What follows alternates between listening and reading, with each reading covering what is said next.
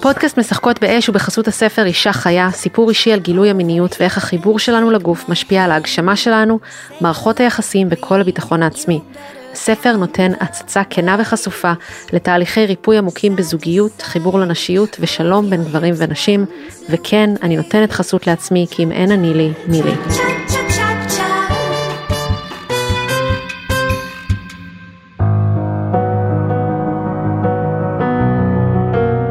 אני כותבת את הסיפור הזה כדי שיסופר בקול, שיישמע על ידי אחרות, כדי לייצר סולידריות נשית בכל מחיר.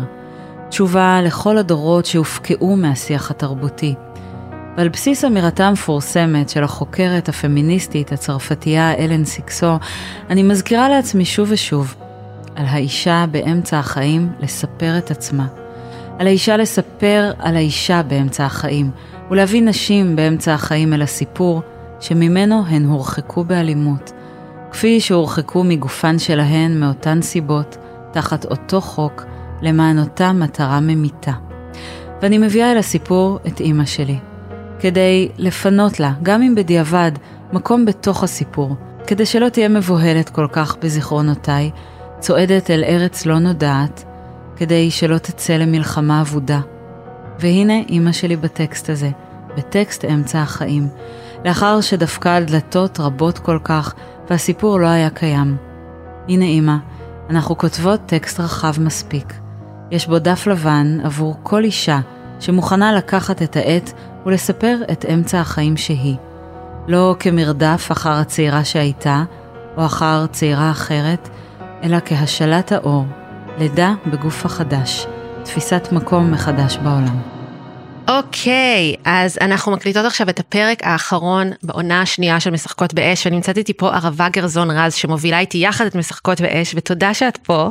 יש, איזה כיף זה להיות פעם ראשונה פה. שאת בפודקאסט שזה הזוי. אז uh, בגדול מה שהולך לקרות זה שאני משמיעה לערבה כל מיני קטעים מהעונה, מזכירה לה אותם, ואז אנחנו הולכות לדבר עליהם, אני אשאל אותך שאלות ו- ונדבר עליהם ביחד. חשוב לי להגיד שיש המון המון דברים שלא נמצאים פה, ואנחנו אולי קצת נזכיר אותם בסוף, אבל הפוקוס שאני בחרתי לתת ללקט סיום עונה הזה הפעם, זה פוקוס שהוא על נשים, בגלל שאני מאמינה שאנחנו כנשים, אה, אם אנחנו ממש ממש נסכים להתחבר למי שאנחנו ולמה שבאנו לעשות פה בעולם, העולם הזה יהיה מדהים. עבור הילדים שלנו, עבור גברים, עבור עצמנו, ואני חושבת שזה זמן שזה נהיה ממש ממש דחוף, ולכן זה יהיה אה, מה שאנחנו אה, נדגיש, ואתה בן אדם הכי מושלם בעולם אה, לעשות איתו שיחה כזאת. אז שמענו עכשיו באמת את מאיה טבת דיין, שעשיתי את הפרק על אה, לספר סיפור חדש, שזה כל הסיפור שהיא מקדמת בעולם, על זה שהגיע הזמן שאנחנו נספר סיפור חדש.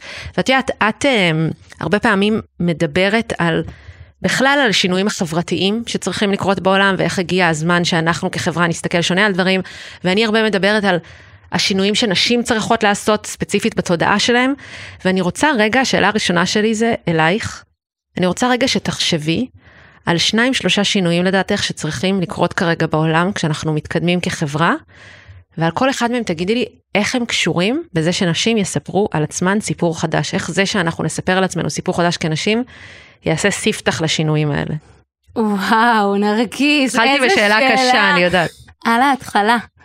לא מזמן אה, השתתפתי באיזו סדנה שדיברה על כסף ומערכות יחסים עם כסף, ו... ואחד הדברים שמישהי העלתה זה שהפחד שלה זה שהיא לא גבר. וואו. וזה נורא נגע בי, כי פתאום הבנתי שגם אני מפחדת שאני לא גבר, ואולי בגלל שאני לא גבר אז אני יודעת פחות. מבינה פחות על העולם, אולי אני אקבל החלטות פחות טובות ממה שגבר יחליט לגבי הכסף שלי, או בכלל. והתובנה הזאת הייתה לי חזקה, פתאום לראות את זה ככה. אז, אה, אז הדבר הזה שנסכים להכיר בזה שאנחנו לא גבר, ואנחנו נשים, והאמת שלנו, והקול שלנו הוא לא פחות חשוב, וואו. אז הדבר הזה, זה נראה לי שינוי מהותי. ודבר נוסף שעולה לי, זה על המקום של אה, לדבר אמת. מרגישה שאנחנו חיות בתרבות ש... שהיא עם המון זיוף, המון פייק. כן, הכל בסדר, הכל סבבה, הכל טוב. איזה משהו נורא רדוד שמשאיר את כולנו נורא נורא בודדים ובודדות. אז נראה לי שהמקום הזה של אה, להסכים להגיד, אני לא יודעת, ושזה לא יתפרש כחולשה, אלא כחוזק, כעוצמה. זה שאני לא יודעת להגיד את זה, ושזה לא ייתפס כמשהו שהוא, שהוא רע, אלא כמעלה. אני מרגישה שהייתי מאוד מאוד שמחה שהמנהיגות שלנו תהיה הרבה יותר במקום של אני לא יודעת, אני לא יודע. ענווה זה משהו שהייתי רוצה לראות. ומה שמאוד הייתי רוצה לראות זה את היכולת של אה, מנהיגות לבקש סליחה. וואו, אני מאוד מתחברת לזה. כן. ואגב, אני, אני חושבת שזה דו-כיווני, זה גם מנהיגות שיכולה לבקש סליחה וגם אנחנו שיכולים לסלוח. יש עכשיו אה, נורא כזה עריפת ראשים, כל מי שאומר משהו לא לעניין, כל מי ש... אז ה- היכולת להסכים לטעות, להסכים לסלוח, אמ, זה נראה לי תרבות שיכולה לשרת את המין האנושי. אז אני לוקחת אותנו מפה, בתזמון מעולה, לשיחה שהייתה לי עם יעל דקלבאום. אנחנו עשינו uh, פרק שמשלב, גם דיברנו על בריאות הנפש וגם על המהפכה הנשית. פרק מדהים, ממש. חשוב. ולקחתי פה קטע ספציפית שהיא מדברת על uh, מה זה בשבילה uh, מנהיגות נשית. מנהיגות נשית יכולה להכיל שאין תשובה. בדיוק. אה, את הלא ידוע. היא, היא מחזיקה בתוכה את הלא ידוע, והיא אה, מקבלת את הלא ידוע ועובדת עם הלא ידוע. זה משהו הרבה יותר ענב ועגול ורחב ולא דומיננטי, לא שולט, לא בא וסותם את, ה, את, הבור, את החור עם איזה פתרון, לא שם פלסטר, אלא יושבת עם הכאב, ממררת עליו, מסתכלת עליו, נותנת לו זמן, הרבה פעמים זה לתת זמן לתהליכי חיים, אה, לעשות את שלהם, זה, בעיניי מנהיגות נשית היא גם אה, הרבה יותר רוחנית, אה, משתפת פעולה עם, עם מימד שהוא, שהוא לא לינארי, שהוא לא אבסולוטי, שהוא בא והולך, יש הרבה אמון שם והרבה הישענות. ואני חושבת שיש שם הרבה ריפוי. ואני חושבת שמנהיגות נשית שמה, לפחות לפי התפיסה שלי, מנהיגות הנשית העמוקה, היא שמה על כס המלכות את הריפוי והאהבה לפני הצדק, וה... וכאילו, לפני הצדק. טוב, זה הכי יפה בעולם, ובמיוחד עם כל מה שקורה עכשיו במדינה, ובצל מה שיעל אמרה, מה זה דבר אחד שהיית עושה עכשיו אם היית בפוליטיקה? כרגע, ממש כרגע, נכון למפה הפוליטית ולמצב היום. הייתי פותחת את כל הדיונים לציבור. אה, אני חושבת שכל הנושא עכשיו של הרפורמה זה הכי מנהיגות גברית. אה, זה הכי לקבל החלטות במחשכים. כלומר, למה הציבור הוא זה שיצא לרחובות, ועדיין כל הדיונים קורים בחדרי חדרים. ואמורים לבוא משם בשורה ולבשר לנו, אבל למה שלא תפתחו את זה? הייתי יוצרת יותר מנגנונים של שקיפות אה, ויותר מנגנונים שבהם אה, יש עוד אנשים בקבלת ההחלטות. המנהיגות הזאת שיעל מדברת עליה, שמחזיקה בתוכה את הלא ידוע, אנחנו כל הזמן לא בלא ידוע, אנחנו בורחים מהלא ידוע, רק שהידוע שכל צד מושך עליו הוא כל כך רחוק אחד מהשני, שאנחנו הולכים לאיבוד. אז בשלב הראשון הייתי פותחת את זה, ובשלב השני הייתי מייצרת דיאלוגים יותר בריאים. זה מרגיש עכשיו שזה לייצר דיכוטומיה, לייצר רעים, טובים, לא משנה, כל צד, אז לקרב, איך אפשר לקרב, איך, איך אפשר לקיים שיח בין שונים ולייצר אחדות בלי אחידות. מדהים, זה להפוך את המדינה למשחקות באש בעצם. זה מה שאנחנו מנסות, זה מה שאנחנו מנסות לעשות במשחקות באש, אבל uh, לפעמים יותר מצליחות, לפעמים פחות. אז uh, באמת, אחד מהדברים שחשובים בלהיות בעמדות כוח כנשים, בנוסף כמובן ללשנות את המציאות עבור כולם, היא גם ספציפית לשנות רגע את המציאות עבור נשים. והרבה פעמים אנחנו לא זוכרות כל מיני זכויות מאוד בסיסיות שמגיעות לנו, ופרק אחד שעשיתי העונה, קראו לו החופש לבחור איך ללדת, והבאתי בעצם כמה נקודות מבט שונות, ואני הולכת להשמיע לך קטע קצר שחיותה גורן בעצם אה, אמרה. בהיריון השלישי, משום מה, משום מה רציתי ללדת בבית, ועד היום אין לי הסבר אה, לזה. אה, אה, פשוט פתאום נורא רציתי ללדת בבית, קראתי על זה, הבנתי שזה נורא מתאים לי כנראה אה, וכולי, ואז התחלתי לחפש מיילדת, והמיילדת הראשונה שגם לקחתי אותה, היא ממש לאחרונה יצאה לפנסיה, אני חושבת שהיא זקנת מיילדות הבית בלוס אנג'לס, אה, לזלי. אה, הלכתי אליה לפגישה הראשונה, ו... ושאלתי אותה איזו שאלה שיולדות שואלות עד היום, כזה אם אה, מותר לי, אסור לי. במקרה שלי זה היה כמה חברות אני יכולה להזמין ללידה, כי חברות התחילו לשמוע שאני הולכת ללדת בבית, וכולן רצו לבוא, ומכיוון שאני, אין לי בעיה עם קהל, אז, אה, אז שאלתי את המיילדת, מה החוק, כמה מותר לי להזמין, ואז היא הסתכלה עליי ואמרה, זאת הלידה שלך. ו... בכלל לא היית רגילה לשיח כזה לפני זה.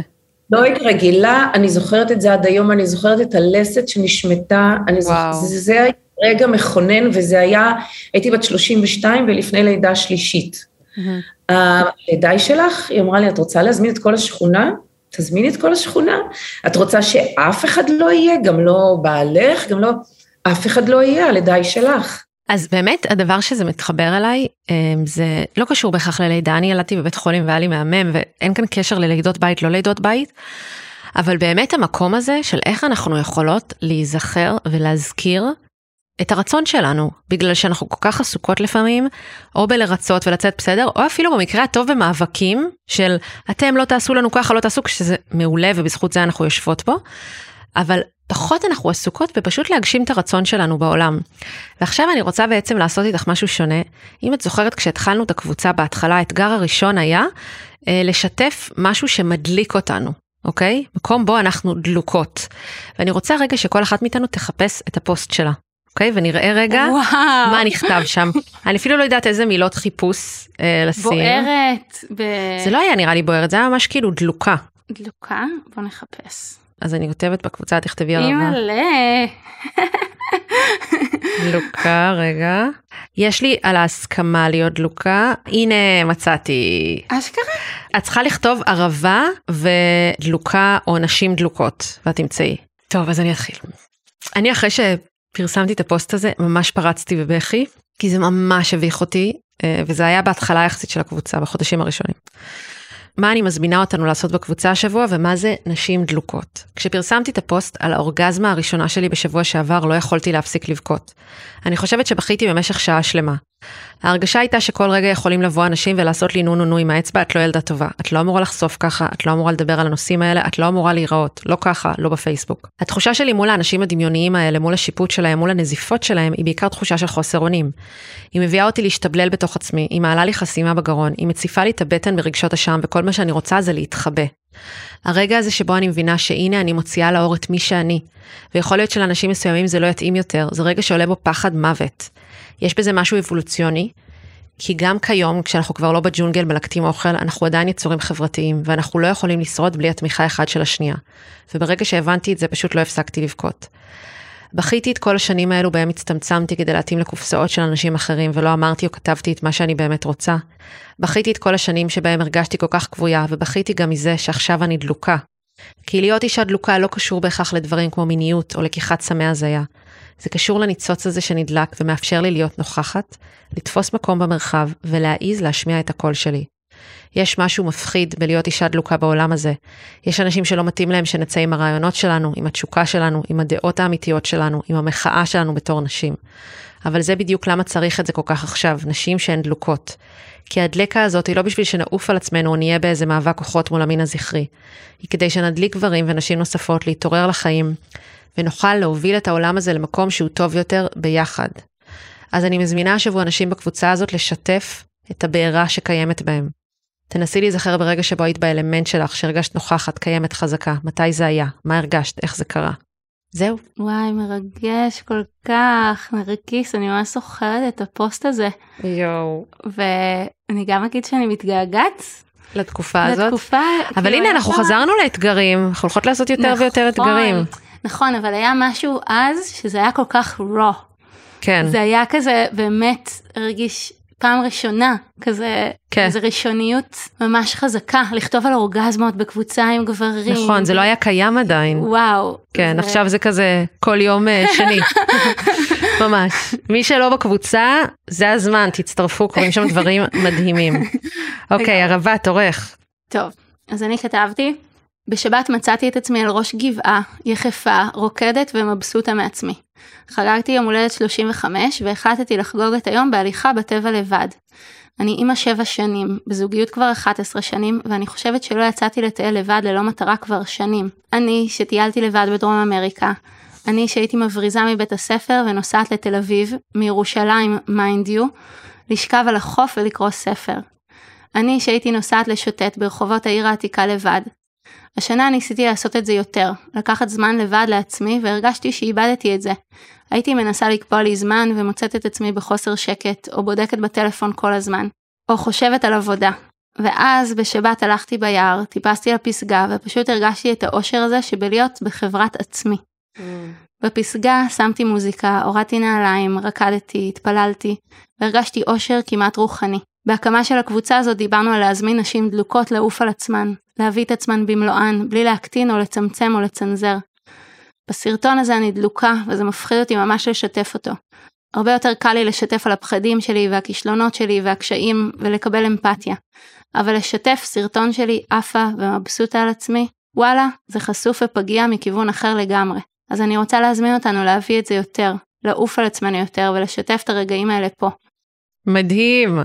אז זה ממש ממש ממש מתחבר לקטע הבא, כי בעצם אני עכשיו הולכת להשמיע לנו כמה קטעים שאנחנו נבקר בהם, שקשורים לאיך, איזה דלקה בעצם, והיזכרות ברצון מחכה לנו כשאנחנו בתוך הגוף. ויש מקומות שונים אה, דרך הגוף שאנחנו יכולות דרכם להתחבר לרצון שלנו, ויש לזה משמעות שהיא הרבה יותר רחבה פשוט מהחוויית חיים האישית שלנו, שכמובן היא גם מאוד משמעותית. אבל uh, אני באמת חושבת שהעולם ישתנה ברגע שיותר ויותר נשים יתחברו לגוף שלהם ולרצון שלהם, ואז הם גם יהיו מועצמות לפעול uh, וללכת אחריו. אז אנחנו נתחיל עם אפרת וולפסון, שמשתפת ככה. עשיתי מלא מלא דברים, אבל הייתי אומרת שהדברים העיקריים שממש היו Game Changers כאלה, זה דבר ראשון, התחלתי להתחבר אליי, לגוף שלי ולאנרגיה המינית שלי, והתחלתי לדבר עם הווגינה שלי, שזה אולי נשמע קצת מוזר, אבל אה, זה ממש משהו שאני עושה ברמה יומיומית, כאילו להיות בתקשורת עם האיברים המיניים שלי. ומה שקורה כש, כשהתחלתי להיות בתקשורת עם האיברים המיניים שלי, זה שמצאתי סוג של, אני קוראת לזה המסלול המהיר, כאילו, לתוך הקול הפנימי העמוק ביותר שלי. וואו. זאת אומרת, התחלתי לשמוע את האמת הפנימית שלי, מבפנים, מתוך הגוף, וספציפית מתוך האיברים המיניים. טוב, זה ממש מעניין אותי לדעת אם יצא לך להתנסות בזה, האם יצא לך לדבר פעם עם חלקים בגוף שלך.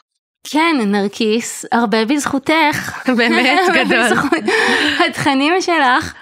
אה, אז אני מרגישה שהיום אני הרבה הרבה יותר מקשיבה לגוף שלי וערה לפוט שלי ולמה שהיא רוצה או לא רוצה. יש לנו דיאלוג הרבה יותר פתוח. יש לך אה, מצבים ספציפיים שבהם את עושה את זה יותר? לפני סקס, וואלה, מה את אומרת לה? אני בודקת אם היא רוצה, או אם היא לא רוצה, או מה. שלומה. כן. זה מדהים גם שככל שעושים את זה יותר, אז יש יותר מענה בצד השני. אני אה, למדתי מאפרת לעשות את זה אם יש אה, דלקת. מהמם. יש דלקת נגיד בדרגי השתן או דלקת בפוט. ואז כאילו. מה את עושה? אני מדברת אליה ואני אומרת לה, אני רוצה, אני מבינה שאת מדברת אליי ושיש משהו שמפריע ואני שומעת אותך, ואני מקשיבה לזה, ואת יודעת, נותנת כאילו מין אה, אשרור. טוב, אז uh, בהקשר ישיר לזה, ובהמשך החיבורים לגוף שמאפשרים לנו להידלק ולהיזכר בעצמנו, אני בעצם הולכת uh, להשמיע לנו עכשיו פרק, עשיתי פרק על הווסת. זה פרק מאוד מומלץ, היה שם גם... פרק מדהים. גם uh, מהקמפיין של מודי בודי ולונה וגם uh, רותי לבייב שדיברה על שמירת נדב וגם בעצם אביגיל רות לב שדיברה על דימום מודע שאפשר ממש uh, ליהנות במהלך וסת ואני אשתף את החלק הבא שהיא אמרה. בעצם כשאני מחזורית, אז אני בקשר עמוק עם כל הצדדים שלי, כן, הצדדים, גם המוות וגם בחיים, בחיים. אני בקשר עמוק עם הרצון גם להיות בחוץ וגם להיות בפנים, והזמן הזה של הווסת לדוגמה, שעכשיו דיברנו עליו, זה זמן של חזיונות, זה זמן של לתכנן את העתיד. אז להיות מחזורית זה בעצם לא כל הזמן לרוץ קדימה, כן, בלי, בלי להסתכל אפילו על המטרה, כמו שהחיים בחוץ מלמדים אותנו, אלא באמת לשהות, לחכות לפעמים. אמ, להיות קרובה לעצמי, כן, להיות קרובה למשפחה שלי, ברגע שאני לוקחת ימי חופש בווסת, יש לי זמן לנוח, שזה דברים שאולי החברה המערבית פחות אה, חושבת שהם חשובים, אבל ברגע שיש לי את הדבר הזה שאני נחה וחושבת ומתכננת, אז כל העשייה שלי היא אחרת, אני הרבה יותר מחוברת, היא עשייה שבאה אולי מהלב, מהרחם, אמ, ואז אני גם, אני מכירה את כל המחזוריות של הטבע, אני מחוברת הרבה יותר עמוק לטבע, כן? אה, רואה את היופי שיש גם אה, בסתיו, שהוא, אה, את יודעת, סתיו ווסת זה אותן אותיות, כן, הנשירה הזאת, אני יותר בח, בקשר עם החורף שאני, כן, עם, עם הצדדים האלה ש, שרגע אולי שקטים או בדיכאון, ויש לי הרבה יותר הבנה של כל החלקים של להיות בת אנוש או בן אנוש, ולדעתי גם לגברים יש את המחזוריות, אולי היא לא בולטת בהורמונים חזקים, בווסת, טוב, אז אה, אני לא יודעת אם את יודעת, אבל נמצא שיותר מ-60% מהאנשים מתביישות בווסת שלהם. ובאמת כל הדברים שקרו שכיסיתי בפרק הזה השנה מאוד הזכירו את הבושה של מה זה לראות דם של וסת ואת ההסתכלות השונה שיש עליו. אה, וכמובן שאנחנו מתביישות בחוויית החיים הכי בסיסית שלנו, ורואות את הפלא הזה בתור משהו שצריך להסתיר, אז זה מן הסתם משליך למקומות אחרים. עכשיו, את הרמת מופע שלם שחוגג את הווסת, שבו את אה, משתפת ומקריאה ומציגה שירים שכתבת. רציתי להזמין אותך לבחור שיר מהמופע ולשתף אותנו בו. בשמחה, וואו, איזו הפתעה. אני מדממת ואתה שותק. אני מדממת ואתה כותב מייל. אני מדממת ואתה מחייך. אני מדממת ומנסה שלא. מנסה שלא יראו, ולא ירגישו, ולא יריחו ולא ידעו, שאני אהיה כמו ההוא, שלא מדמם, אבל אני כל כך מדממת. זה זולג לי לאורך הירך, וזה זולג לי מתוך העיניים, והבכי יושב לי בגרון, ואני מנסה שלא יזלוג. טמפון ותחבושת וגביונית, ורק להשאיר את זה בפנים. את כל מה שאני מרגישה, שרק לא יזלוג, שרק המוות שפועם בי לא יפריע לאף אחד, שרק החיים שפועמים בי מדי חודש לא יציקו לאף אחד, לא יזכירו להם מאיפה באו ולאן ילכו. הדם הזה קדוש הוא. של נעליך מעל רגליך והשתחווה לאלה הקדומה שאני, שמדממת, ושולחת מיילים בשתיקה, שמדממת ומסתירה. המקום קדוש היא, הדם הזה מפעם בי, לפעמים נוזל ולפעמים קרישי, ותמיד כל כך מפריע לתרבות המערב, והאל האחד לא יחלוק איתי את הבכורה. הוא קדוש ונורא. ואני הבאתי שני יצורים חיים לבריאה, ומדי חודש אני רואה את הפוטנציאל של החיים מתנפץ לקירות הרחם שלי, והעולם מסתובב, הירח מחייך, ואני, אני מדממת. עולם כמנהגו נוהגת. וואו, מדהים. אני בדיוק עכשיו סיימתי וסת. Hmm. זה ממש ממש ממש חזק. אמ, ואני ממשיכה איתנו אמ, באותו אזור של הגוף. Mm-hmm. אני חושבת שאת העצה הכי הכי טובה שקיבלתי, אה, קיבלתי ממיכל כהן שמחה, שמייעצת אה, בספרה ובדרכה להרפות את הפוט. והנה מה שהיא אמרה בפרק המשותף שלנו, חלק קצר. להרפות את הפוט, יש לזה שתי רמות. רמה אחת זה ממש הרמה הפיזית, שהשרירים בפוט שלנו מכווצות, מקו... בא לי להגיד מכווצות, כי זה אזור הכי נקבה שלנו. אה, וממש השרירים אסופים שם מכל מיני סיפורים של החיים האלה והחיים הקודמים וההיסטוריה שלנו כנשים והפחד שלנו להתהלך בעולם בנינוחות את המינית שאנחנו. זה, זה, זה רמה אחת, וברמה השנייה זה הרמה האנרגטית, כי יש לנו את הגוף הפיזי והגוף האנרגטי, ואנחנו הולכים עם uh, זיכרונות שמכווצים אותנו, וזה נמצא בשדה שלנו, וזה משפיע עלינו מאוד. טוב, אז איפה זה פוגש אותך? וואו, איפה זה פגש אותי? זה פגש אותי בלחשוב האם הפוט שלי רפויה, וזה הרגע.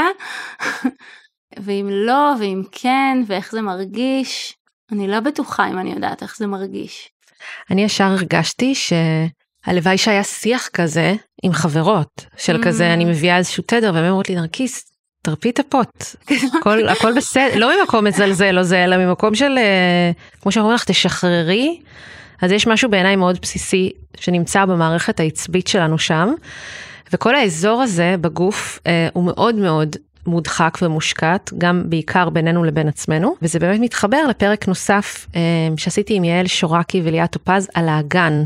וואי, פרק ממש טוב. כן, זה מאוד מאוד מאוד חשוב, ואני יכולה להגיד לך שאני הייתי מאוד מאוד בהכחשה ובנתק מהאגן שלי לפני שילדתי, עד שפשוט לא נותרה לי ברירה. יעל שורקי, שהיא אוסטאופטית רצפת אגן, משתפת בין היתר בפרק הזה כלים שיכולים לעזור להתחבר לאגן. ואני רגע אשמיע לנו קטע קצר ואז אנחנו נדבר על זה עוד. דבר ראשון, לשהות עם עצמך, בלי שאף אחד אה, מפריע לך, ולנשום רגע לאגן. אחר כך לנסות לדמיין אותו. רוב הנשים לא מצליחות. Hmm. זה דברים שאני עושה בטיפול. זה חור שחור הרבה פעמים. אז אה, לדמיין אותו. אחרי שאת מדמיינת אותו, בלי אה, לפתוח ספר אנטומיה ולהגיד וואי וואי וואי, את יודעת, לעשות קופי פייסט. לא, לדמיין אותו, גם אם את רואה אה, במקום רחם, שהרחם נראה כמו כיסא, הכל בסדר. אחר כך אה, להרגיש אותו, לראות איזה רגשות יש שם. אחר כך לראות עם מה את מחוברת, מה ראית, מה לא ראית. רוב הנשים לא רואות את החצוצרות, לא רואות את השחלות, לא רואות את הרקטום. איזה צבעים יש שם, איזה ריחות. פשוט לצאת ל... צא ולמד. כן. אנחנו רגילות אה, לשרת מהמקום הזה, ואנחנו מאוד לא משרתות עצמנו כשאנחנו משרתות. אנחנו רק מתרחקות, ואז כל המתנות שיש למקום הזה לתת במקום אה, גינת אה, ירק ופרחים, יש לנו קוצים שם. אז פלא שיש דלקות ופלא שזה, כי אנחנו באנו אה, לחיות אחדות קודם כל בין האיברים שלנו. וממקום שאת אה, באחדות, אז את גם יכולה להתחבר למישהו אחר. טוב, אז איך היחסים שלך עם האגן שלך? וואו, אני לא בטוחה שדמיינתי אותו ושכל הדבר הזה, אבל אני כן יכולה להגיד שאני אוהבת את האגן שלי, ושזה... ואני ממש אוהבת בפודקאסט שלך שזה נורא פרקטי. כאילו שזה כזה, כאילו את עושה איתנו איזה סדנה. Hmm. כאילו גם, ב, גם בפודקאסט שיש דברים שממש אפשר לקחת וליישם. אז אה, גם, כשאני שואלת אותך איך היחסים שלך עם האגן שלך, המקום שזה לוקח אותך אליו, זה איך את מרגישה כלפי איך שהאגן שלך נראה, או מה היחסים שלך עם האגן שלך. אז הדבר הראשון עלה לי, איך היחסים שלי עם איך שהוא נראה, ואם אני יותר לעומק, אה, אז נגיד עם הפוד שלי, כן יש לי ערוץ תקשורת.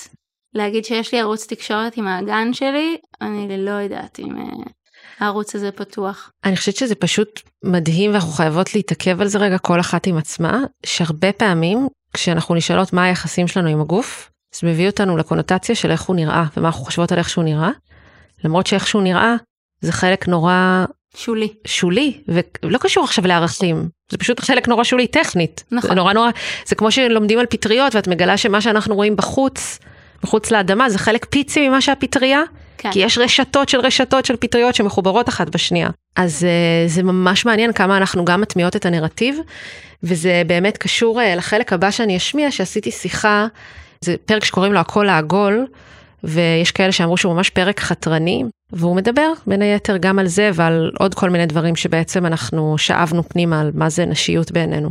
המראה של נשים לאורך דורי דורות היה הנכס היחיד שהיה להם.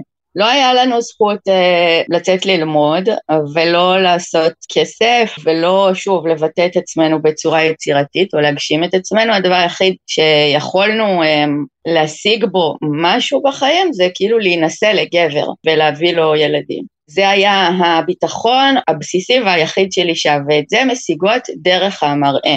והמראה הוא לפי הסטנדרטים של הגבר, וככה בעצם אנחנו כל הזמן תופסות את עצמנו במבט חיצוני, כאילו מישהו כל הזמן מסתכל עלינו, והרבה פחות קשובות, שוב, לתחושות שבגוף עצמו, לפנימיות, למה הגוף שלי, איך הגוף שלי מרגיש, מה הוא מאותת לי, מה הוא רוצה, מה נעים לי, מה לא נעים לי. אנחנו הרבה יותר עסוקות בבחוץ. זה שירלי נווה שיצרה את הסדרה ירח חדש, שמביאה גם לידי ביטוי כל מיני סיפורים ישנים וחדשים על נשיות.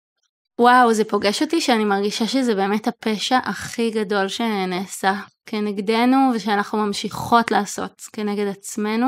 אני, בחוויה שלי כאישה, אני אה, רוב הזמן, כן, אהבתי את הגוף שלי נגיד. אה, זה לא משהו שהיה, אבל חשבתי שאני מכוערת.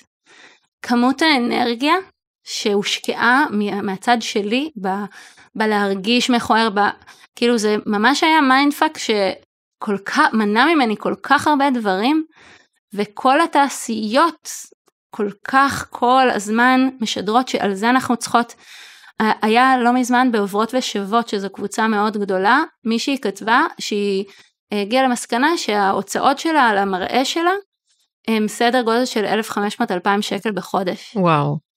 אם, רק ל, ל, להבנה, אם היא הייתה שמה 1,500-2,000 שקל בחודש בשוק ההון נגיד, או במשהו אחר, הריבית דריבית היא הייתה יכולה להגיע לסדר גודל של 800 אלף שקל תוך 20 שנה. כאילו, מה המשמעות של 800 אלף שקל, נגיד כשאת בת 60, לעומת זה שהיה לך ציפורניים, ושהיית אצל הספרית, ושעשית שעבות, ושכאילו, מה המשמעויות? המשמעות הכלכלית של זה שאנחנו כל הזמן מתעסקות במראה שלנו, היא, היא משמעות מטורפת.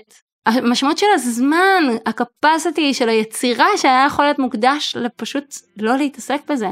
ממש, אנחנו אמרנו הרי שאנחנו צריכות להמשיך להקליט, ועד עכשיו עשינו חצי בעצם. עברנו חצי מהלקט, וכל החצי הזה היה מוקדש לרגע להסתכל מהצד של הגוף, ובעצם בחצי הבא של הלקט אנחנו נסתכל על ההשפעות של זה על מקומות אחרים. איך זה משפיע על היחסים שלנו עם כוח וכסף ועם גברים, ולאיזה עולם אנחנו שואפות ללכת, אז תישארו איתנו. אנחנו חוזרות מאיפה שהפסקנו. אנחנו התחלנו לדבר על אה, להיות נשים דלוקות ועל כמה חשוב שבעולם יהיו עכשיו נשים דלוקות. דיברנו על זה שהגוף הוא חלק מאוד משמעותי כדי להתחבר לרצון שלנו ולדלקה שלנו בעולם, ושכשאנחנו עושות את זה או לא עושות את זה, יש לזה השפעה על תחומים נוספים, והדבר הראשון שרציתי לדבר עליו זה בעצם ההשפעה של זה על כסף. בפרק שעשיתי עם רונית כפיר על הקשר בין אה, מעגל ההסכמה בגוף שלנו, במיניות שלנו, למעגל ההסכמה במשא ומתן, היא אמרה את הדבר הבא. נשים, בעיקר נשים. אני אישה ואני מכירה את, ה, אה, את המגבלות שלי, את המקומות שבהם קשה לי, ולכן אה, התכנים שלי התחילו בעיקר בפנייה לנשים, אבל היום אה, לא רק. וקראתי לזה איך לעבור מלא נעים לי לנעים מאוד, וזה מאוד מתחבר לעולמות של יחסים ושל מגע ושל עונג, כי נעים לי בצורה הכי פיזית, זה כשמשהו נעים לי. ואני מצאתי שגם אני וגם הרבה מאוד נשים אחרות עושות הרבה דברים שלא נעימים להם בעסקים, ויש כאן הרבה מאוד עניינים סביב, א', גבולות והסכמה, ב', לקיחת אחריות, שזה גם אצל בטי מרטין מאוד קשור, וג', העניין הזה של אה, נתינה וקבלה. כי כמו שמיניות מוציאה מאיתנו הרבה מאוד אה, אמוציות והרבה מאוד מחשבות שקשורות להרבה תחומים בחיים, ככה גם כסף וגם העסקים, עבודה, שזה חלק מאוד מאוד משמעותי מהחיים שלנו בעולם אה, היום, אז גם היחס שלנו עם כסף מוציא מאיתנו הרבה מאוד דברים שקשורים לערך העצמי שלנו וקשורים לתקשורת שלנו עם אחרים.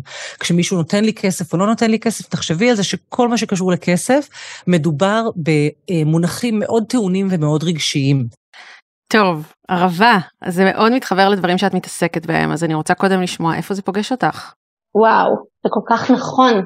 זה, זה פשוט פוגש אותנו בכל כך הרבה רבדים, אבל הנושא של כסף זה השיקוף, אה, אני מרגישה שהוא הכי ישיר. מאיזה בחינה? מהבחינה שהשיקוף של מה אני מאמינה שהערך שלי הוא מיידי, כאילו הוא אי אפשר ל... אם אני חושבת שאני יכולה להרוויח עשרת אלפים שקל, אז אני אגיע לעשרת אלפים שקל, אבל אני לא אגיע לחמש עשרה, או לעשרים, או לארבעים.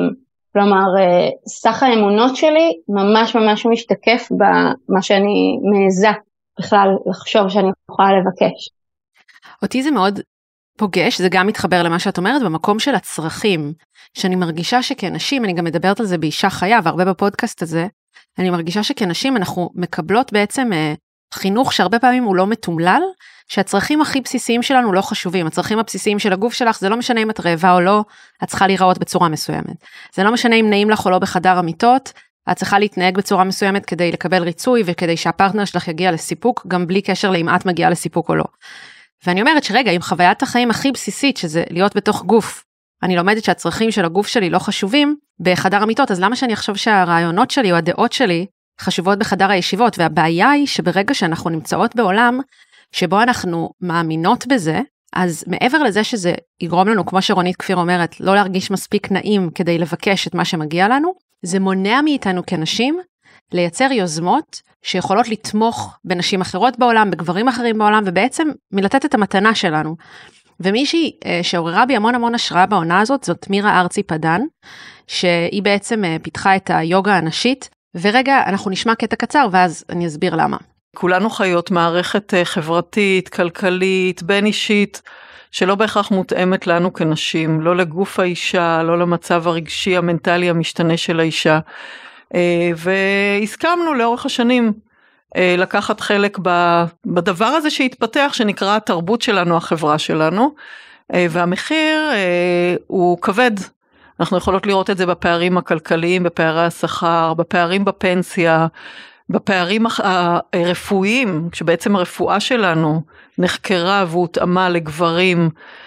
מעט מאוד מחקרים נעשו על נשים שהן לא בתחום הפריון. יותר מחקרים רפואיים נעשו על גברים, כולל נגיד כל נושא התחלואה הלבבית, שעדיין מאוד מוזנח בבריאות האישה. כי אני אגיד פה בסוגריים שתסמינים של תחלואה לבבית אצל נשים שונים מגברים והרבה פעמים לא מאבחנים את התחלואה הלבבית אצל האישה באופן שיכול להציל את האישה, אלא האבחון הוא שגוי. אז יש פה הרבה, הרבה מאוד פערים וכך גם ביוגה. אז אה, כן, מי שלא מכירה את הסיפור, בעצם מירה ארצי פדן הלכה ללמוד יוגה הרבה מאוד שנים, והיא אמרה, מה זה, אני רואה שכל עולם היוגה פותח על ידי גברים למען גברים. וזה לא שהייתה לה בהכרח טענה, אה, או שהיא אמרה את זה בקטע של זה לא פייר, היא פשוט אמרה, זה לא פרקטי. זאת אומרת, הדבר הזה הוא פשוט לא הגיוני. אה, ואז היא פשוט הלכה ופיתחה אה, שיטה של יוגה אחרת. עכשיו תתארי לך שככה נשים רבות היו עושות בעולם, זאת אומרת, פשוט היינו אומרות, אה אוקיי, אין בעיה, עד עכשיו נשים לא יכלו להיות מוקדי כוח, קבלת החלטות, והם לא יכלו לפתח עולם שמתאים לנשים, אין בעיה, אבל עכשיו אנחנו יכולות, אז בואו, כאילו לפחות במדינות מסוימות אנחנו יכולות, אז בואו ננצל את הזכויות שלנו כדי להפוך את העולם לאחר. ולצערי הרב, הרבה נשים לא מנצלות את הזכויות שלהם. בגלל חוסר ביטחון, בגלל חוסר תחושת מסוגלות, בגלל נורמות חברתיות ובגלל שגם חלק פשוט לא רוצות. נכון, יש אפליה, אפליה קיימת, ברור, אבל אני מדברת שגם במקומות שהדלת כן פתוחה, לצערי חסר עוד נשים שיעשו את הצעדים האלה. הדיכוי תמיד מתחיל מבפנים, כלומר זה, זה הטרגדיה האמיתית. הטרגדיה האמיתית היא שבאמת נדירות אנשים ש, ש, שמטילות ספק, כלומר זה, זה עניין מול סמכות הרי, כאילו אם הרופא אומר משהו אז הוא יודע, למרות שאני הגוף שלי מרגיש אחרת, אם המורה ליוגה אומר שככה זה מה שצריך, אז זה מה שצריך, או המורה, כאילו הלהטיל ספק בסמכות שזה משהו ש, שהוא קשה. אה, מאוד. הוא קשה לכולנו אבל אני חושבת שכן לנשים יש איזה יותר נטייה אה, להקשיב לסמכות ולסמכות חיצונית במקום סמכות פנימית. ושוב כמובן שזה לא לקחת את זה לשיחה נוספת שבה מאשימים נשים בבעיות העולם אבל אה, זה כן מקום שבעיניי יהיה טוב שנתעורר במצב שקורה עכשיו במדינה, אז uh, באמת uh, פרק מאוד אקטואלי זה שדיברתי עם uh, עופר נוימן ומורן זר, שמורן מובילה את מחאת הנשים, את בונות אלטרנטיבה, ואני רוצה לשים קטע קצר רגע מתוך הנאום שלה, כי הוא מאוד רלוונטי שהיא נתנה באחד ההפגנות. אז באתי לכאן הערב עם מסר אחד חד וברור. רק אנחנו, הנשים, נחליט על עתידנו. לא תחליטו איך נתגרש או נתחתן. לא תחליטו אם נשרת בצבא או לא. לא תחליטו אם נעשה הפלות או לא. לא תחליטו מה נלבש ולא תשימו אותנו מאחור באוטובוס.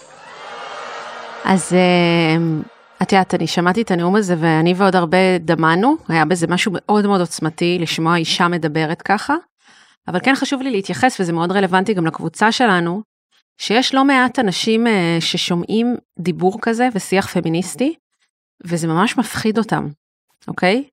זה ממש מרגיש להם אה, שזה מתחבר כבר למקומות של שנאת גברים ולהאשים גברים בכל הבעיות. אה, ואת יודעת, בזמנים עכשיו שנשים עדיין נרצחות, גם בישראל, לצערי לא מעט, ויש ממש הצעות חוק וחוקים שפוגעים בזכויות של נשים היום. בישראל ובעולם יש דברים מזעזעים, והמתח הזה בקבוצה שלנו הוא ממש לפעמים אה, מעלה בלהבות. ואני ואת מגיעות ממקום שאנחנו כן מדברות על שלום בין גברים ונשים, ומה דעתך על זה? אני חושבת שזה נורא נורא טריקי, כי מצד אחד אני חושבת שאנחנו כנשים, אנחנו צריכות את המסרים האלה, את המסרים של להתעורר, את ריבונית, יש לך החלטה, את יכולה לבחור, את יכולה להשפיע, את כאילו, אנחנו צריכות את המסרים האלה ל- להתעורר לתוך הריבונות שלנו, אבל אני גם כן יכולה להבין איך זה נחווה מהצד השני כמתקפה, אה, מתקפה על גברים, כהאשמה של גברים, ו- והעניין הוא, אה, אני לא יודעת אם יש לי תשובה. אה, בסוף, בסוף להתעורר הזה זה לא תנועה מלחמתית.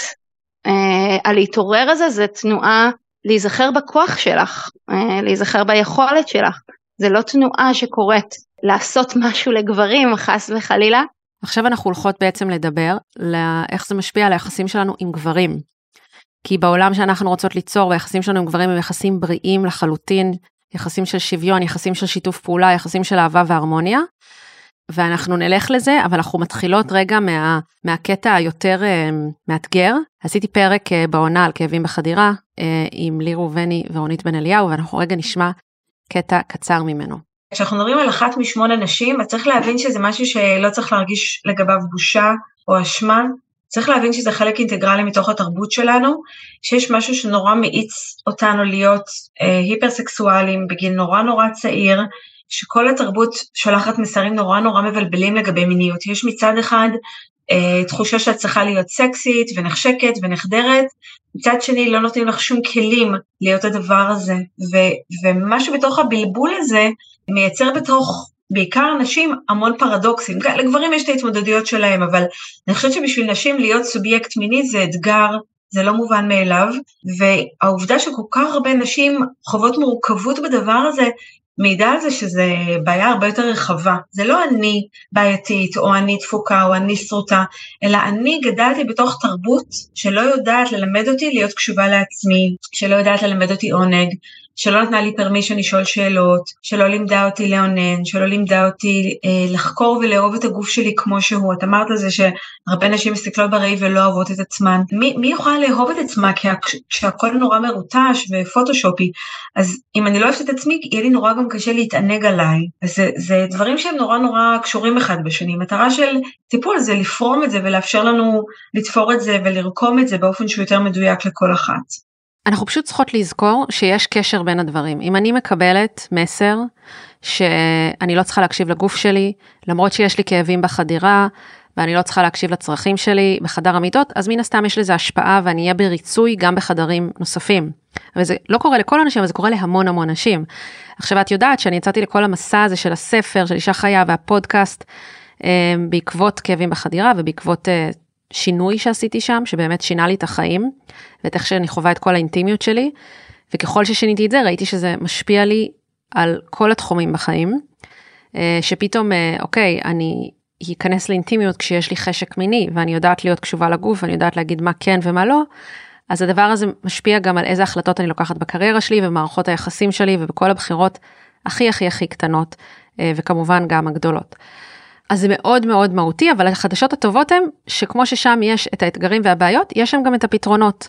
ובעצם אה, גם אם אנחנו עושות שינויים באינטימיות שלנו ובדינמיקה שיש לנו בחדר המיטות, אנחנו יכולות לראות גם שינויים במקומות האחרים, ואנחנו תכף ניגע באמת גם בצדדים היותר אה, חיוביים ונותני תקווה של זה.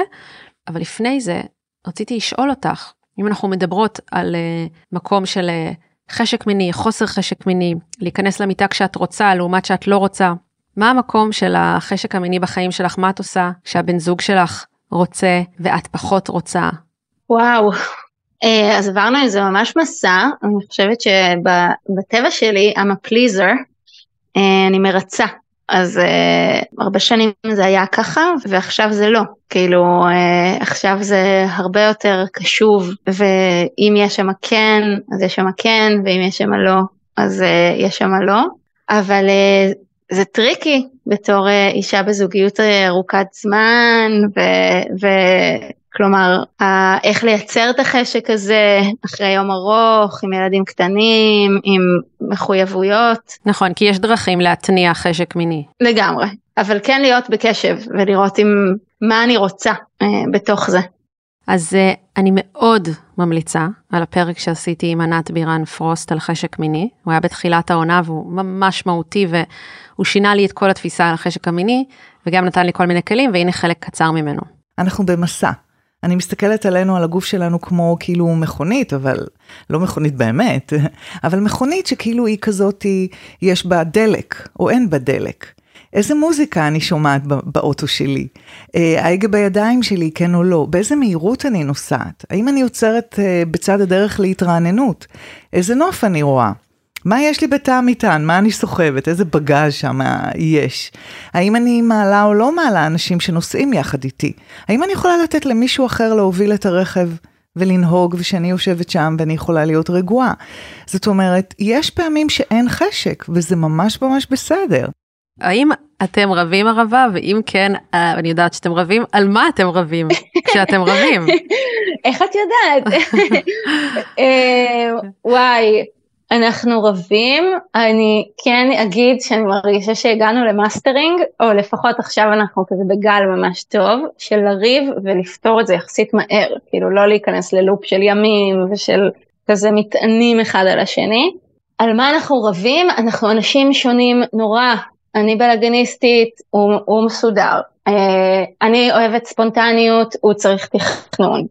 אה, אני, הוא אוהב גבולות ולשים אה, גבולות ברורים לילדים, ואני מבחינתי גבולות זה כזה רק, רק אה, זה נמתח, זה אלסטי. אז ממש, ממש לא חסר על מה לריב, שלא לדבר על זה שבאמת, כאילו זוגיות זה דבר מטורף, אנחנו שותפים לבית, אנחנו כאילו מגדלים ילדים קטנים, אנחנו לא ישנים בלילה. האם את מרגישה שאתם יודעים לריב? האם אתם יודעים לריב טוב? כן, ואני אגיד שאני למדתי לריב. אני מגיעה מבית שההורים שלי לא רבו, כאילו, או לא רבו לידינו. אני, מבחינתי, כשיש ריב, שנים זה היה פחד קיומי, זה היה כזה להרגיש פרידה, זה להרגיש משהו נורא עז נגד זה, ואז להילחם בזה. אז את גם בריב, ואת גם מנסה לעשות הכל כדי להימנע מלהיות בריב, זה לא, זה לא עבד. וטיפול טיפול, לדעת לריב בתוך setting, אה, לקבל כלים לאיך אה, איך להכיר את המערכות הפעלה שלנו בתור אנשים שונים. וואו, פשוט להכיר בזה שהוא צריך space כשהוא עכשיו עצבני וזה, ואני, ואני יכולה להכיל את זה שהוא עכשיו כועס, והוא כועס, זה בסדר. מלא דברים של פשוט להכיר את עצמנו, ואז זה ממש יכול להשתפר, ממש ממש. אז אני אשמיע את אחד האנשים שאני הכי אוהבת לשמוע, תמיר אשמן, שזה פעם שנייה שהבאתי אותו לפודקאסט. כי הוא גאון. כי הוא מדהים, וזה פרק שקראנו לו גברים מדברים זוגיות, שלוש גישות שיעזרו לנו להפסיק לריב. גם דניאל קישינובסקי ומיכאל פינקל השתתפו בפרק, ואנחנו נשמע את החלק הבא. אני תמיד אומר, יש פה בעצם גבר ואישה במקרה הזה, אבל כל אחד מגיע עם, עם דת זוגית שונה. כל אחד יש לו ארץ שונה. דת שונה, ערכים שונים, רגשות שונים, ואנחנו, הטעות הכי גדולה שאנחנו לא, אנחנו מייצרים עולם של כפייה של ארץ, ארץ שכופה על ארץ אחרת את האמונות והערכים שלה, במקום לעשות משהו הרבה יותר, כאילו אני, אני צריך ללמוד את הארץ שלך, אני לא מבין שום דבר בארץ שלך, לא יודע מה עברת, מה גדלת, לא יודע, אין לי מושג מה החוקים אצלך בתוך נרקיסלנד. ואת אין לך מושג מה זה תמירלנד. לא, וגם זה משתנה. וזה משתנה. יכול להיות שפתאום תמירלנד משתנה, בטח. כמו שמדינות עוברות שינויים. אבל קודם כל הכרה מלאת ענווה, שאני בנרקיסלנד לא מבין. כן. ואת בתמירלנד לא מכירה את שדה המוקשים שלי, ואת לא אמורה לדעת את שדה המוקשים שלי. לי יש אחריות לארח אותך בארץ שלי. ואם נגיד את דורכת על איזשהו מוקש, איזה טריגר, אז אני יכול לבוא, איך את כזאת חסרת רגישות כך. לא, אני צריך ללמד אותך על הטריגרים, ואנשים קשה להם עם עבודות, הם נורא רוצים כבישים עוקפים לזה. נכון, למה? כי זה מגע עם כאב, וזה מגע עם מגדל בבל, כדי שקשר ינוע מקרב לקרבה, אנחנו צריכים קצת סבלנות לשיח הרבה יותר איטי. והאם אני באמת, מס... נגיד אותו גבר שמתנפץ על אשתו בגלל איזשהו משהו שהוא נראה לה לא מובן, האם הוא ירצה לתרגם לה את הטריגר ויספר לה על איזה פציעת ילדות, או אנחנו בעצם, כשאנחנו נהיים זוג, זה שתי פוסט טראומטיים שמנסים לייצב איזשהו קשר, זה, זה לא צד אחד, זה בדרך כלל המציאות פה ב... ואני לא יודע מה, איפה, נגיד בתחום של מיניות, מה עברת, איזה חניכה מינית עברת, איזה, איזה טריגרים יש לך, מה מענג אותך, מה נעים לך, מה לא נעים, כל המשאלה שמישהו ידע, ידע את זה ללא, ללא תיווך של שפה, הוא, הוא יוצר ממש צרות צרורות.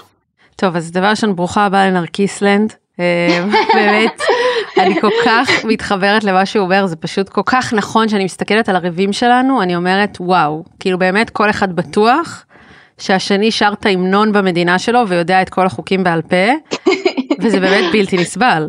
זה בלתי נסבל.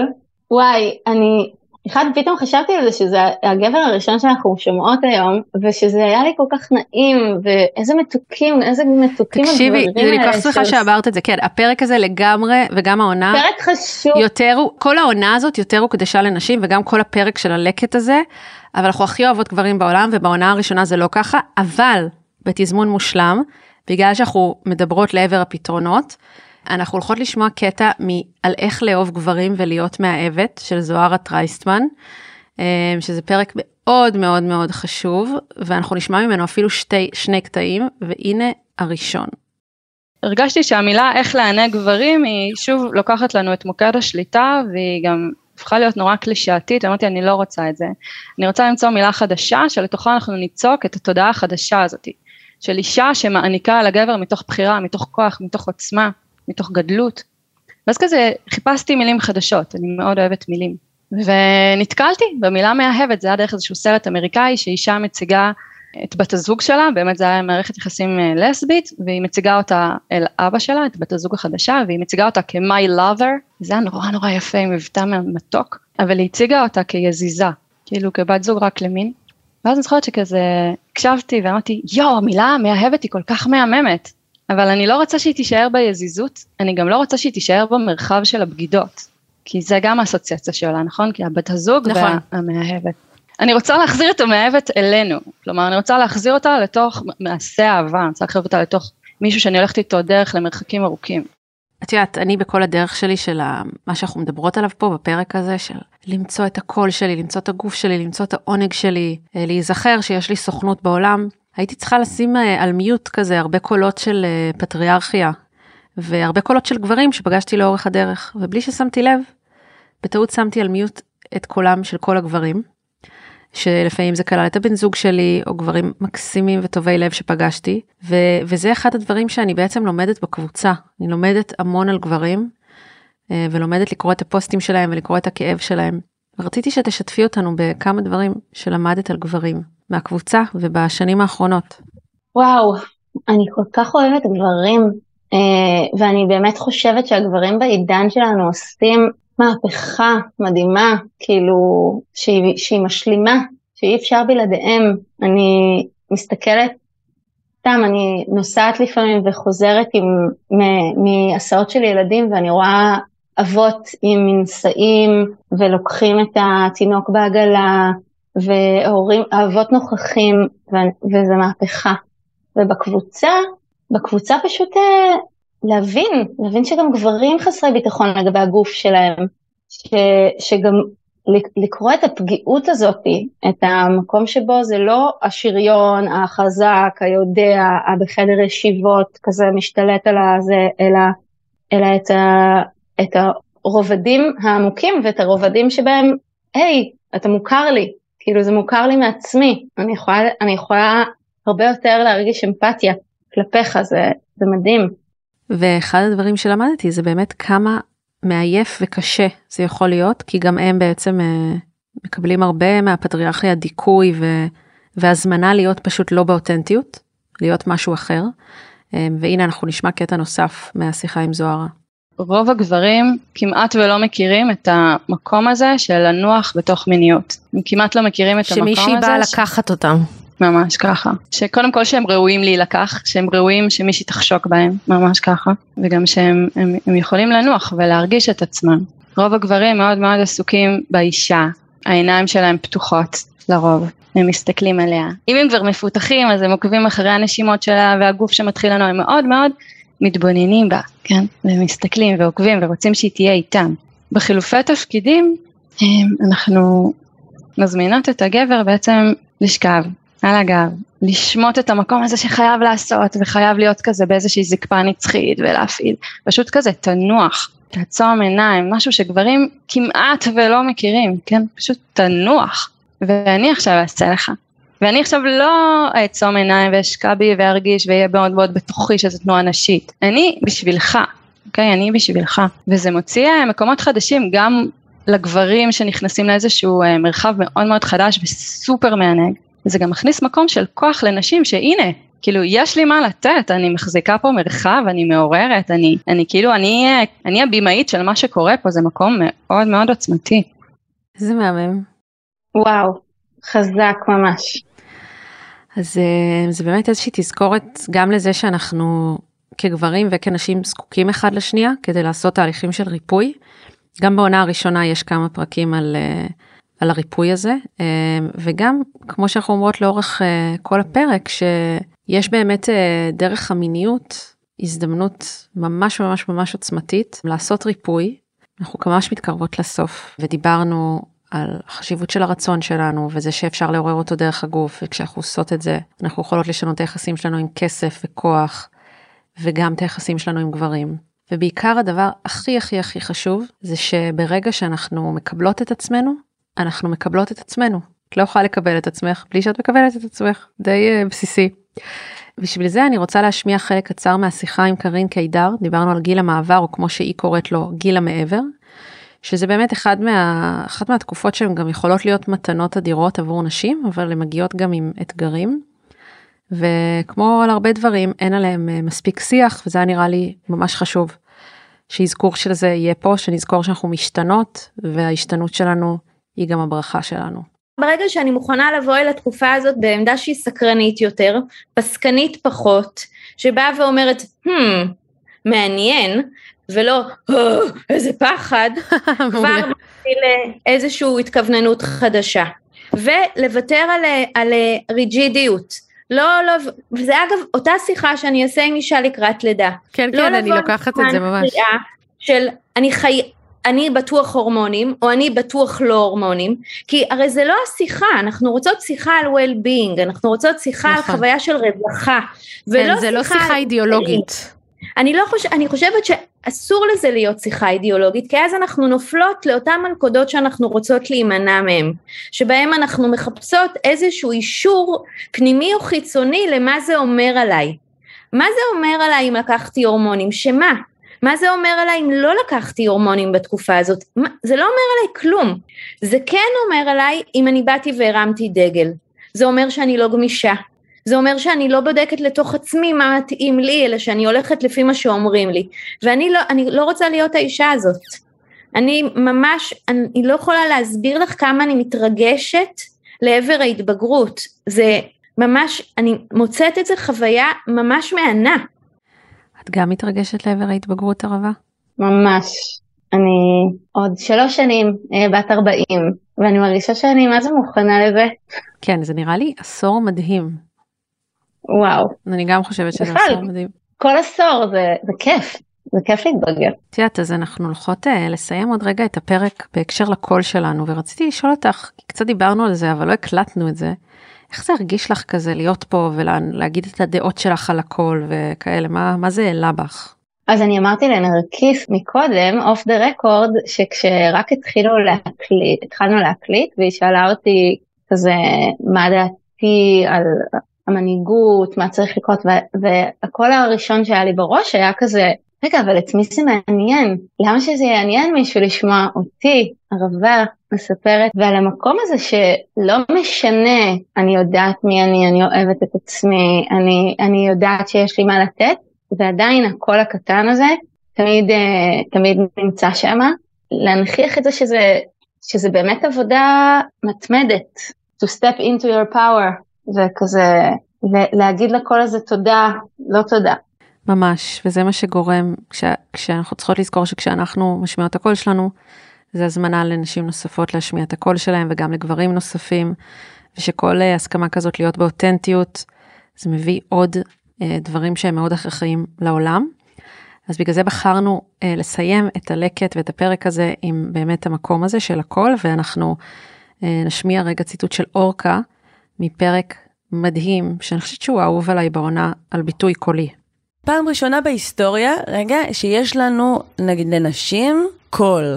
כלומר, מעבר לזה שאנחנו תמיד היינו מתלחששות ומדברות ויושבות באוהל האדום לפני 70 אלף שנה ולא יודעת מה, אבל פתאום יש לנו קול ויש לגיטימציה לקול הזה ויש אה, צורך וקריאה בקול הזה ו- ויש את הפריבילגיה אה, אה, לעמוד עליו ואותו ואיתו בעולם. אז קודם כל, רגע, יש, יש את הדבר הזה שזה חדש. אז, אה, אז קודם כל יש לנו קול. וחוץ מזה, במובן גם האחר והלא היסטורי ופמיניסטי ומנהיגותי שמאוד מאוד מוביל אותי, אני מוצאת שכמעט כל uh, בת אדם או בן אדם, או, uh, החל מכך שאנחנו ילדים, אנחנו רוצים לשיר. יש איזה משהו במקום הזה של, ה, של השירה, uh, של המוזיקה שמגיעה דרך הגוף. שלרוב בני האדם שאני פגשתי, יש את הכמיהה הזאת של הרצון הזה לשיר, או אם אני לא שר, אז יש לכך סיבה. אז ערבה, בפרק הראשון של העונה של משחקות באש, של העונה הראשונה, אני שרתי שיר, ציטטתי שיר. האמת שבשידור של עיתון הארץ לא השאירו את זה, אבל בספוטיפיי שלי אני שרתי את זה. אה, ורציתי להזמין אותנו רגע לשיר ביחד איזה חלק משיר. אני רק אה, אגיד שאני חושבת שאת ממש טובה ב- בלאלתר. כאילו אם יש לך איזה אלתור קולי. אה, אני יכולה לאלתר משהו, כן. אבל אני רוצה שגם את תשאירי. מה, תמשיכי אותי? אני אחשוב על זה. אני לא יודעת אם אני אמשיך אותך, אבל אני אחשוב על זה. תנסי, אולי דווקא תראי גם. כן, כן, כן. כן, ערבה פה. הקלטנו את הפרק לקט. התמקדנו יותר בנשים ויש הרבה דברים שיש בעונה ולא מדוברים, אז לכו להאזין, יש עוד פרקים, למשל, סוף סוף הגענו לדבר על הקהילה הגאה אחרי ששני פרקים בכלל לא דיברנו עליה.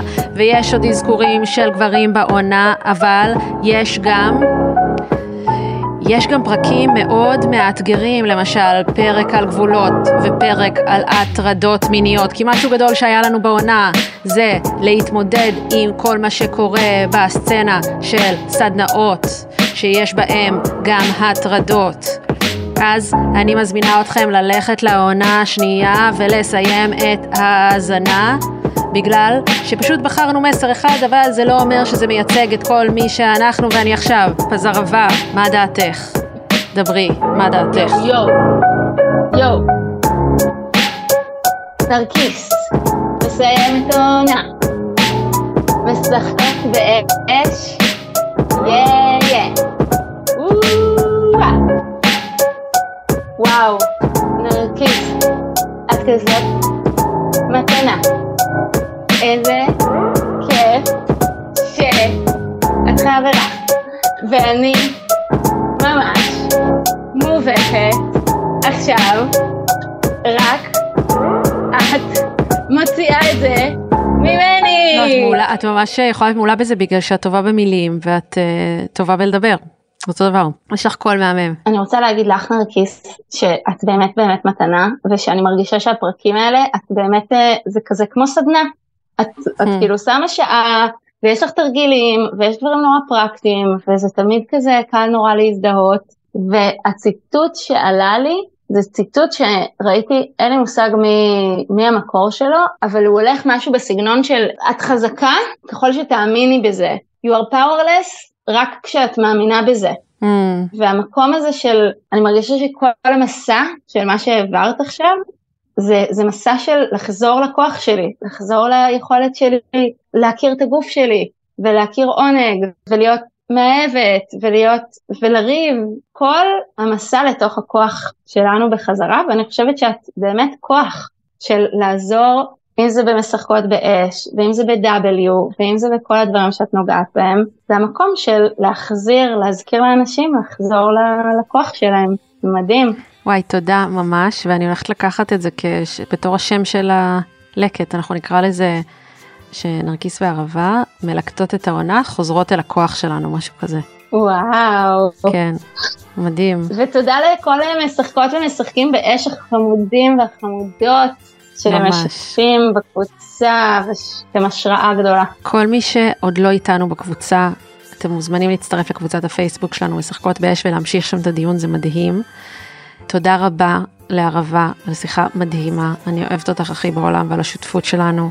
תודה רבה לזק אביעד ולהילה על העריכה המאתגרת שהולכת להיות לכם בפרק הזה, זה לא טריוויאלי בכלל, בכלל בכלל. וכמובן, כמו תמיד, לקישור הפרק הזה אני גם מצרפת אה, לינק לספר שלי, אישה חיה, שמדבר בצורה כזאת או אחרת על אה, כל המסע שדיברנו עליו פה. תודה רבה לכולם.